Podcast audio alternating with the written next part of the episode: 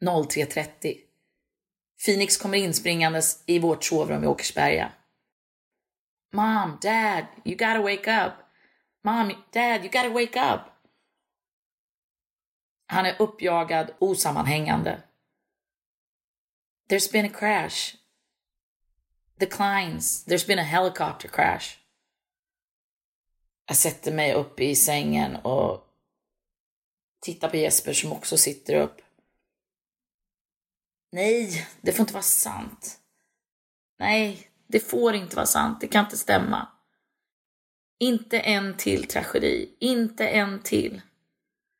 Två dagar tidigare hade vi förlorat en god vän Tommy som inte orkade leva längre. Och mitt hjärta sjönk och tankarna snurrade. Nej, inte Chris. Jag letade febrilt i telefonen efter nummer till Chris familj för att ta reda på om det här verkligen var sant. Inget svar. Vi fick vänta. Jag kröp över till Jesper och in till hans famn och låg där som två små barn omslingrade och vaggade varann medan katastrofen sjönk in. 05.00. Jag sitter i bilen med panikkänslor. Den var packad och klar sen kvällen innan för min sommarresa till släkten i Strömstad. Mina tankar var utspridda och nu började vännerna höra av sig. Mer information.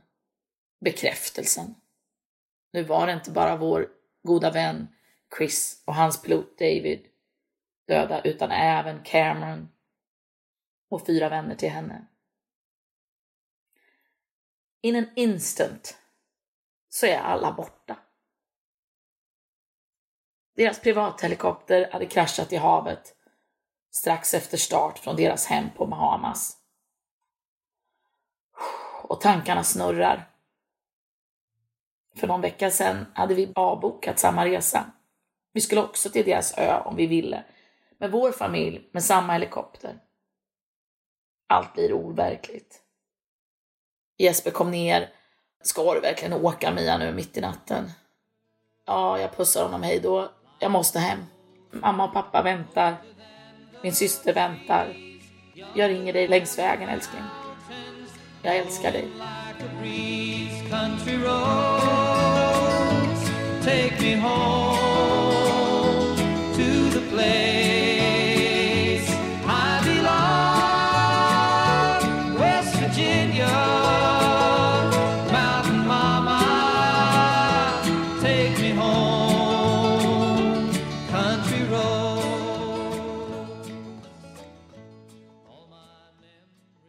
Dessa fina själars liv är över. Det är slut. Det är en sån himla konstig känsla. Minnen som sticker ut, som spelas upp som en, på en film. Alla besök, jag var hos dem i West Virginia, alla spontana barbecues, knasiga halloweens och väldigt intima samtal om livet, relationer och planer för framtiden. Vår vän Chris var larger than life. En fantastisk rolig vän som vi känt länge. Alltid ett phone call away. Ett minne sticker ut. Vår båt hade varit packad och klar för en semestertripp till Bahamas. Mitt i förberedelserna hade Jesper fastnat med högerhanden i vinschen till en vajer och slitit sönder flera fingrar. Det blev akut operation. Oro för framtiden naturligtvis och karriären och naturligtvis ingen Bahamasresa. Dagen därpå ringer Chris. Honey, you're going to Bahamas. No, no, no. Uh, Chris, we can't. Jesper can't drive the boat. We're not going. Yes, dear. You are doing Bahamas Klein style. En dag senare så kom Chris och sa nu ska vi ta mitt flyg och hämtade oss på sitt privatjet. På planet väntade som vanligt personliga lite små överraskningar till var och en i familjen. I, i, i vinkylen på flyget stod Jespers namn med etiketter på. På kristallchampagnen stod det Mia. På Pennys stod det mac and cheese. Och för Phoenix och Filippa stod det sin och Peg, deras favoritmat. Chris visste vad alla tyckte om och han var noga med att visa sin uppskattning. Han var otroligt generös. Så det blev en resa Klein-style indeed. Vi eh, kryssade mellan öarna i hans yacht och han avslutade dagarna med ett jättefyrverkeri på stranden. Grandiost och flashigt och enkelt kanske när man är miljardär, men det är inte det som är imponerande.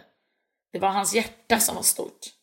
Och det var detaljerna i hans kärlek som är fantastiskt. Han spred eh, omtanke och han såg den minsta detalj till alla han brydde sig om. Hans generos generositet gjorde också att man vill jättegärna ge tillbaka. En gång så bad han mig hjälpa honom med ett golfevent för en välgörenhet för hundar. Jag skrattar för det är verkligen inte min grej hundar. Men det går inte att säga nej för han gav så mycket till oss. Jag önskar att det fanns mer tid att kunna ge tillbaka allt roligt vi har varit med om. Det var ett fyrverkeri av massa kärlek i den form och sätt han gjorde det på. Det enda flaw jag kan komma på är att din idol var Rick Astley. Åh, vad vi kommer sakna dig.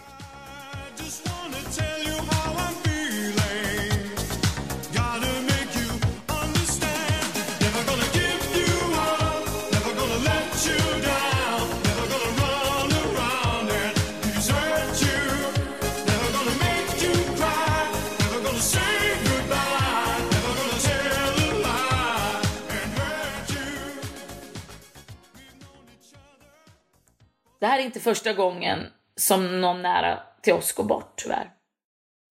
Våra liv har varit eh, kantade av flera stora tragedier.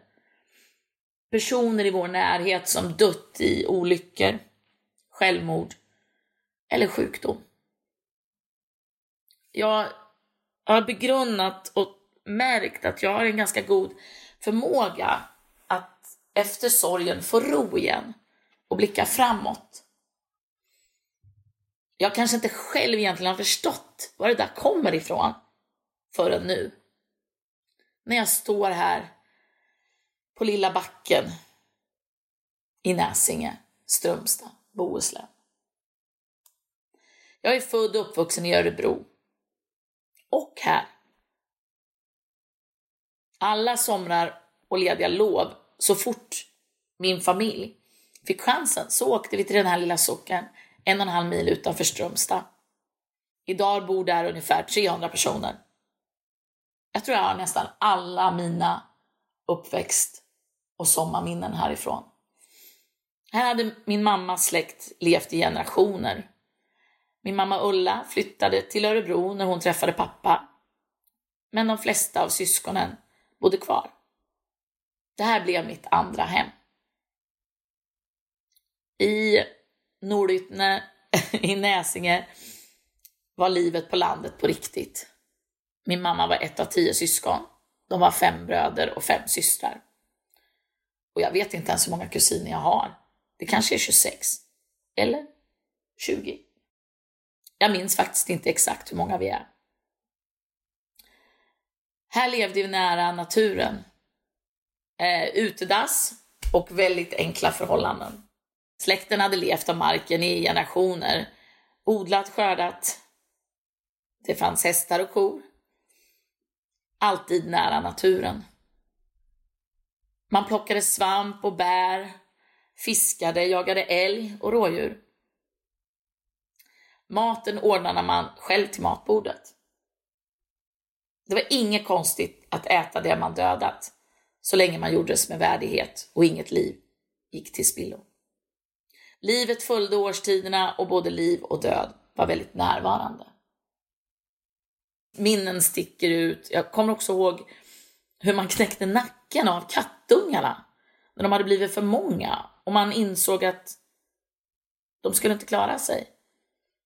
Inte grymt, Det var värdigt men ganska osentimentalt. Och allt det här såg vi barn. Och det var inget konstigt. Jag fick också tidigt minna att en människa gick bort. Min kusin Ulf förlorade sin mamma Clary, min moster. Hon blev sjuk och mådde inte bra och klarade det inte. Så vi barn förstod inte riktigt vad som hade hänt. Men vi förstod ändå att Ulf kommer vara okej, okay, vi är en stor familj och vi tar hand om varandra. Ulf var lika tajt med alla mostrar och morbröder. Men jag tror att min mamma, det var min mammas extra son. Och vi fick ett väldigt extra starkt band. Vi var ju så många så vi hade matlag. Ja, inte männen då förstås. inte på den tiden.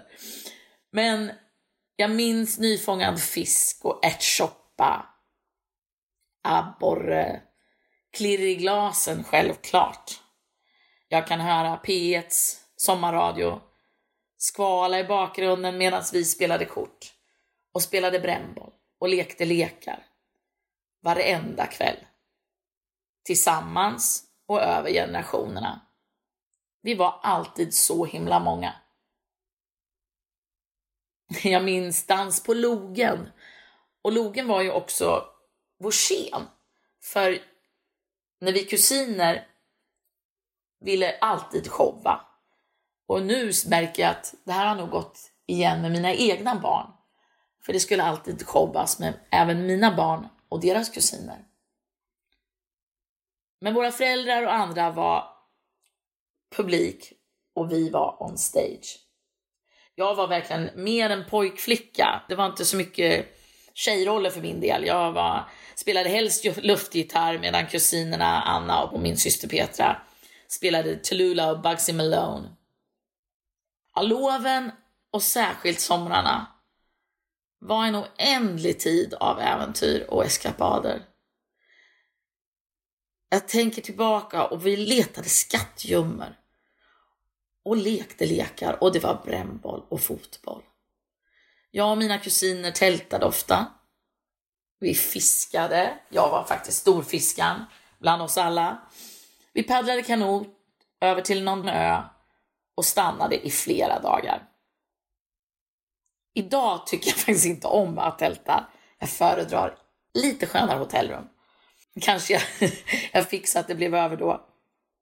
Det fanns inga mobiltelefoner och mina föräldrar måste ju haft ett enormt tillit till oss.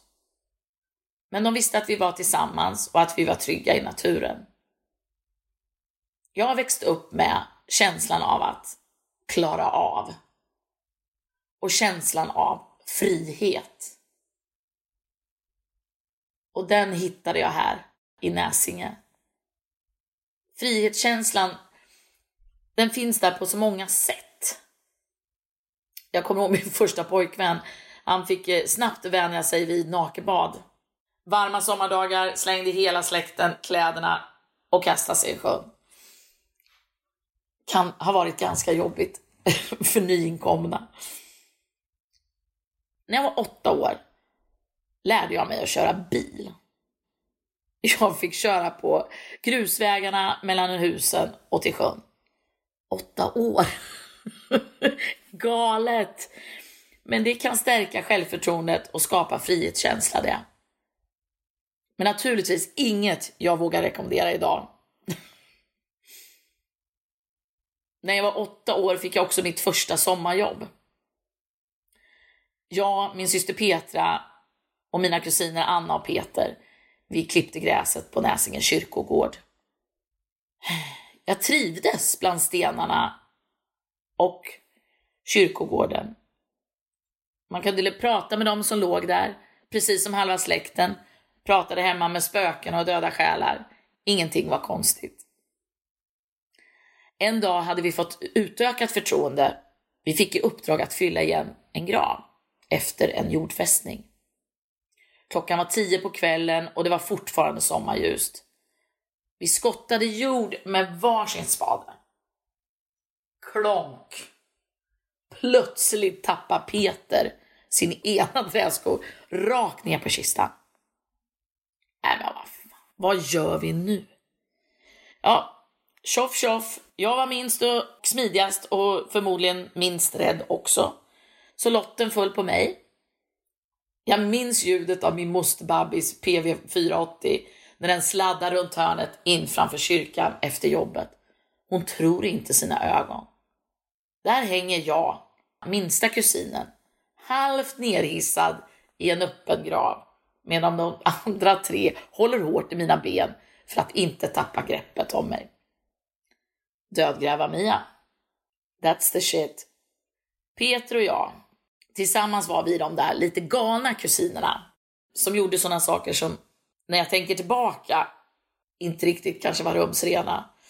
Jag minns när han fångade en orm med kassettbandspelaren på väg hem från färingen. Han fångade den med handen och slog lite med kassettbandspelaren. Han älskade ormar och ville så gärna ha ett ormskinn. Så tillsammans så hade vi ihjäl den där ormen. Men vi visste att vi inte fick vara respektlösa, så vi var väldigt noggranna. Vi flådde ormen, torkade skin skinnet noga, filerade den och gav tillbaka resten till naturen. Och jag minns inte ens att jag var alls rädd. Men nu är jag rädd för ormar. Ja, här stod jag nu igen. På lilla backen. Och minnena av min barndom blandas med sorg efter alla som har gått bort. Men på något sätt så vet jag att allt kommer ordna sig. Igen.